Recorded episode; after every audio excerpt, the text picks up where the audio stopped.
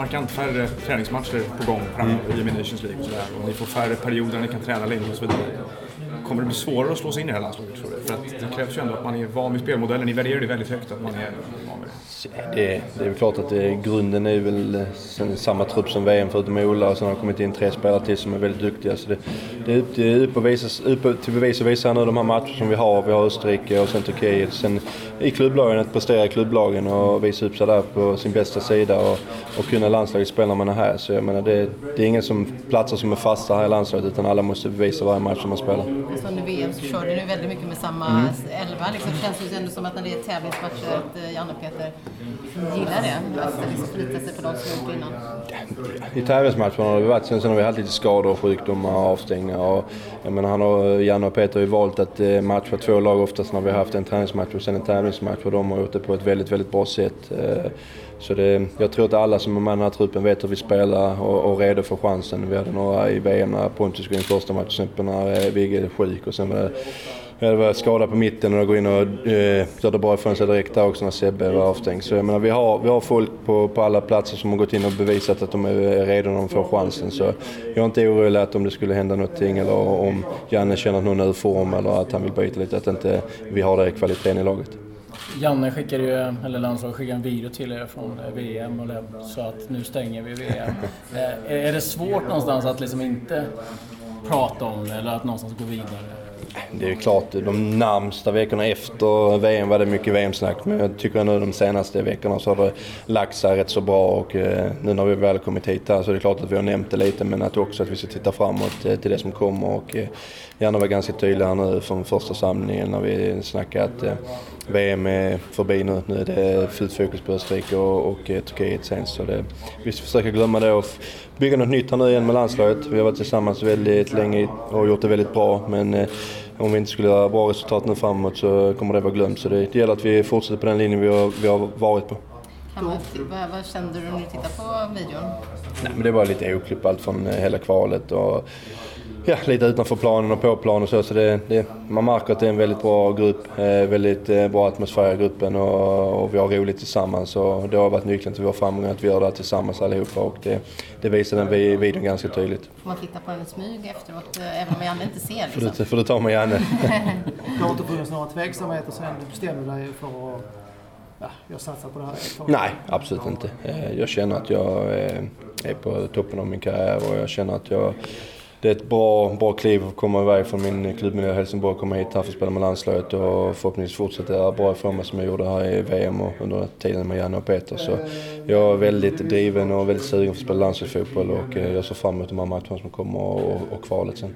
Du tror inte att det blir några som helst svårigheter att hantera temposkillnaden från Superettan till de här spelarna som ni möter nu? Jag hoppas inte. Kenny Jönsson vann väl OS med Rögle när han spelade i Allsvenskan så jag, jag hoppas jag kan göra något liknande här i landslaget. Eh, men det, det ser bra ut i HIF. Vi har gjort bra matcher nu sen jag kommit hem och ligger i en bra position. Så jag hoppas såklart att vi kommer att spela Allsvenskan efter, efter vintern. Mm. Ni har ju en ganska öppen dialog där ni får komma med input och sådär. Har du själv gått och klurat någonting under sommaren som var vad ni kan tweaka på för att ta nästa steg? Jättesvårt. Det, det, det, var väl rätt så mycket som var positivt i VM. Eh, det var sista matchen mot England där jag tycker vi, vi såg lite trötta ut. Det orkade inte riktigt fanns där energin. Men vi mötte också ett bra lag eh, i England. Men jag har inte hunnit exakt analysera allt men eh, det är klart att det finns små saker som jag tror både Peter och Janne har funderat på och tittat igenom alla matcher och analyserat ihjäl sig. Så vi, vi kommer nog ha lite teori här nu fram till Österrike och saker som vi vill träna på och saker som vi vill förbättra. Degerfors träffade Ola. Mm. Ja. Säger du om hans beslut? Ja, men det är ett trevligt äventyr. Eh, lite långa resor för att pendla kanske tillbaka hit till landslaget. Så, eh, nej, men det blir skoj att han och familjen har beslutat att flytta till Australien. Eh, jag får väl åka och hälsa på någon gång istället. Hur ser du på att han slutar landslaget ändå? Att han, Nej, men han har gjort jättemycket för oss eh, och sen Peter han eh, tog över så har han varit en viktig pjäs eh, i vårt lag och varit väldigt duktig för oss och gjort viktiga mål och viktiga prestationer för oss. Så det, det är klart för egen del är det tråkigt att en kille som jag känner väl, ett år yngre än mig bara, en av de äldre om man säger så. så det, men jag respekterar hans beslut fullt ut. Nu vill ju Janne testa Viktor Claesson som en av två anfallare. Vad tror du om det? Ja, men han spelar ju lite i Elfsborg innan tror jag han spelade väl nummer 10 där och eh, i Krasnodar när jag var där. Ett poddtips från Podplay. I podden Något Kaiko garanterar östgötarna Brutti och jag, Davva, dig en stor dos skratt. Där följer jag pladask för köttätandet igen. Man är lite som en jävla vampyr. Man har fått lite blodsmak och då måste man ha mer. Udda spaningar, fängslande anekdoter och en och annan arg rant. Jag måste ha mitt kaffe på morgonen för annars är jag ingen trevlig människa. Då är du ingen trevlig människa, punkt. Något Kaiko, hör du på Podplay. Därför är gardinerna. Så har han spelat någon gång som nummer nio renodlad forward så i det systemet 4-3-3 så jag tror inte det är en helt ovan position för honom. Sen eh, spelar vi lite annorlunda här i landslaget såklart med två, två anfallare men eh, Viktor är en otroligt skicklig och smart spelare så jag tror inte han har några bekymmer med att spela i den positionen. Men är han, är han ersättaren till Ola, tror du? Eller? Det får du fråga Janne, men det har jag ingen aning. Han har gjort det väldigt bra på högerkanten också och jag tror, tror väl hans bästa position kanske är på vänsterkanten han får komma in med sin högerfot som han gjorde hos oss i Krasnodar innan jag var där. Men eh, han är väldigt skicklig på alla positioner på de offensiva. Din eh, Viktor har, ju haft en, eh, en, en start i Manchester United som i alla fall väckt mycket- uppmärksamhet och mycket kritik. Liksom. Eh, Har du pratat med honom om det?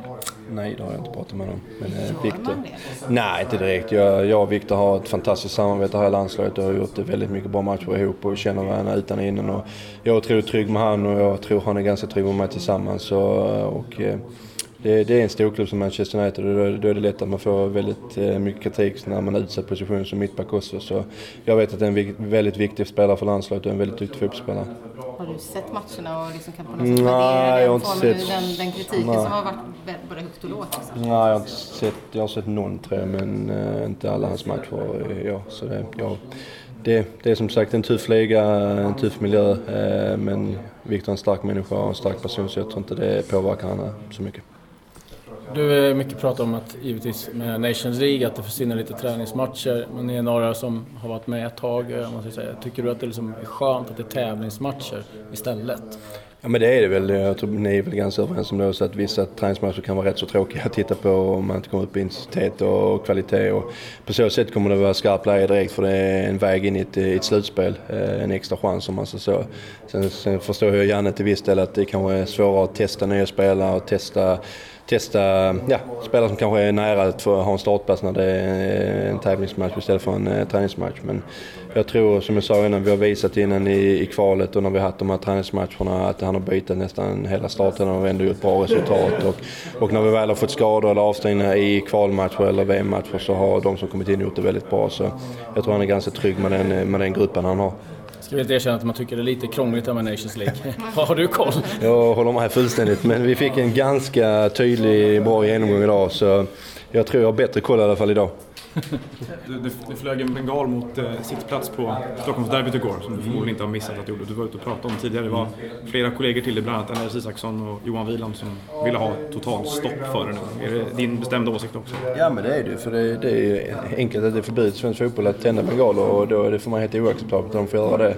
Eh, och ja, det kan vara fint eh, och så när man tänder tifo men att kasta en, eh, vad är det, en tusen grader, grader på en bengal in till en barnfamilj eh, det är för mig helt oacceptabelt. Och, eh, ja, det kan inte vara många vett i skallen på den personen som kastar den där. Så det, jag hoppas att de fått stopp på det och att klubbarna hjälps ihop med politikerna och polisen att eh, ja, det ska inte ens få förekomma i svensk fotboll. Tror du att det behövs en större liksom, röst från spelarna för att få stopp på det? För ni är många som är kritiska till det. Ja men det är klart att vi spelare kan höja rösten och jag gjorde det i Helsingborg och, och nu Isaksson och andra spelare gjorde det, hörde jag och såg. Eh, sen är det ju såklart också upp till, eh, det är inte bara upp till klubbarna som ofta kommer upp eh, för det är inte så enkelt att bara klubbarna ska ta hand om det. det är, straffen är alldeles, finns ju ingen straff mer eller mindre och eh, och sådana här saker. Eh, kollar man på England där straffen är extremt mycket hårdare. Att man inte ens får, man ska vistas på en polisstation innan, innan matcherna och sådana här saker. Så att det är helt omöjligt för dem att vara på arenorna.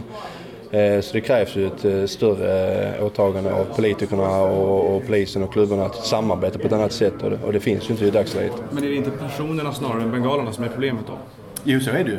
Precis. Och är inte personerna på arenan så kommer inte bengalerna tändas. Så det, det är 20, kanske 20-30 personer max som tänder bengaler. Och, och har man inte dem på arenan så kommer inte bengalerna finnas. Hur känns det liksom att de här personerna inte lyssnar på er spelare? Man, de, många, de, många, de flesta går ju på fotboll för att liksom, vi ser spela liksom, eh, men att era röster inte når dem. Jag vet inte hur mycket röster som har höjts innan, eh, eh, hur mycket som spelare har gått ut och sagt. Men jag tyckte det var ganska tydligt här efter derbyt. Det är många starka spelare som gick ut. Isaksson och Vilan och med flera. Och Jonas Olsson tror jag så var ute och Erik Johansson. Så det, det, är ett bra steg tycker jag. Jag gjorde det i Helsingborg efter vi hade derby mot Landskrona. Eh, och det, man måste ta hänsyn. Det, alltså det är barnfamiljer som lämnar arenorna när det tänds på röken eh, det är sponsorer som vägrar gå in och sponsra. Jag har själv varit med om Helsingborgs IF för att de inte vill vara med så länge bengaler förekommer. Alltså så det, sponsorer som har sagt det tidigare? Mm, ja, att det inte är acceptabelt. De, inte för, ja, de inte förekomma i en klubb när bengaler som är olagligt tänds och sådana saker. Så jag menar, det, är, det krävs ett större åtagande av, eh, av klubbarna såklart men också av politikerna och polisen att man hjälps åt att hitta en lösning som gör att eh, de här som, som väljer att tända bengaler slutar med det. Jag vet att din dotter brukar titta, i alla fall den äldsta än så länge. Eh, hur känner du kring det här? Känner du att det är obehagligt liksom? Och... Nej, men jag är ganska tydlig med att alltså, det är ju inte farligt när okej, okay, om man kastar in i publik så är det klart det är farligt. Men tänder man det under organiserade former så är det kanske inte så farligt för det är ofarlig rök. Men samtidigt det är olagligt och då är det olagligt helt enkelt. Och så länge det är det så tycker jag inte att det ska förekomma på arenorna och eh, då måste vi få ett slut på det när vi, när vi har barnfamiljer och äldre människor som lämnar arenorna på grund av röken eller på grund av att det, de tycker det är obehagligt. Och då är det inte okej. Okay. Jag måste bara få fråga, du kan få fått svara på den frågan, men den största omställningen, vad har den varit med att komma hem och spela?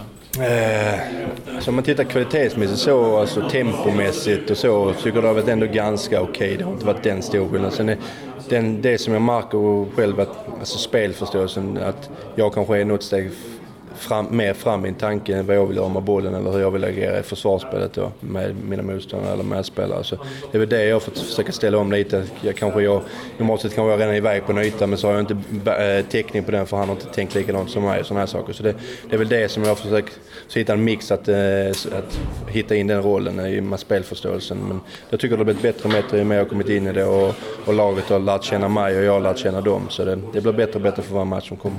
Vid sidan av, jag menar, nu vet jag inte hur din ryska är, men jag antar att du inte läste ryska tidningar så jättemycket. Men när du är i Helsingborg så blir det en helt annan indragning i allting som är runt omkring mm. er. Som har det varit svårt att koppla bort? Ja, eller både ja och nej. Det var mycket efter VM och sen när det var HF så har det varit mycket fokus på HF såklart. Och då har det varit mycket involverade där i både spelandet och det som runt omkring man spelar transfers och grejer. Så det har kanske varit lite mer än vad jag hade räknat med eh, när jag kom hem. Men samtidigt jag det är väldigt roligt. Jag har ett stort hjärta för Helsingborgs IF och vill hjälpa till på alla, alla sätt och vis. Så, sen gäller det att hitta den här berömda mixen så att man inte bränner sig att man går på för hårt.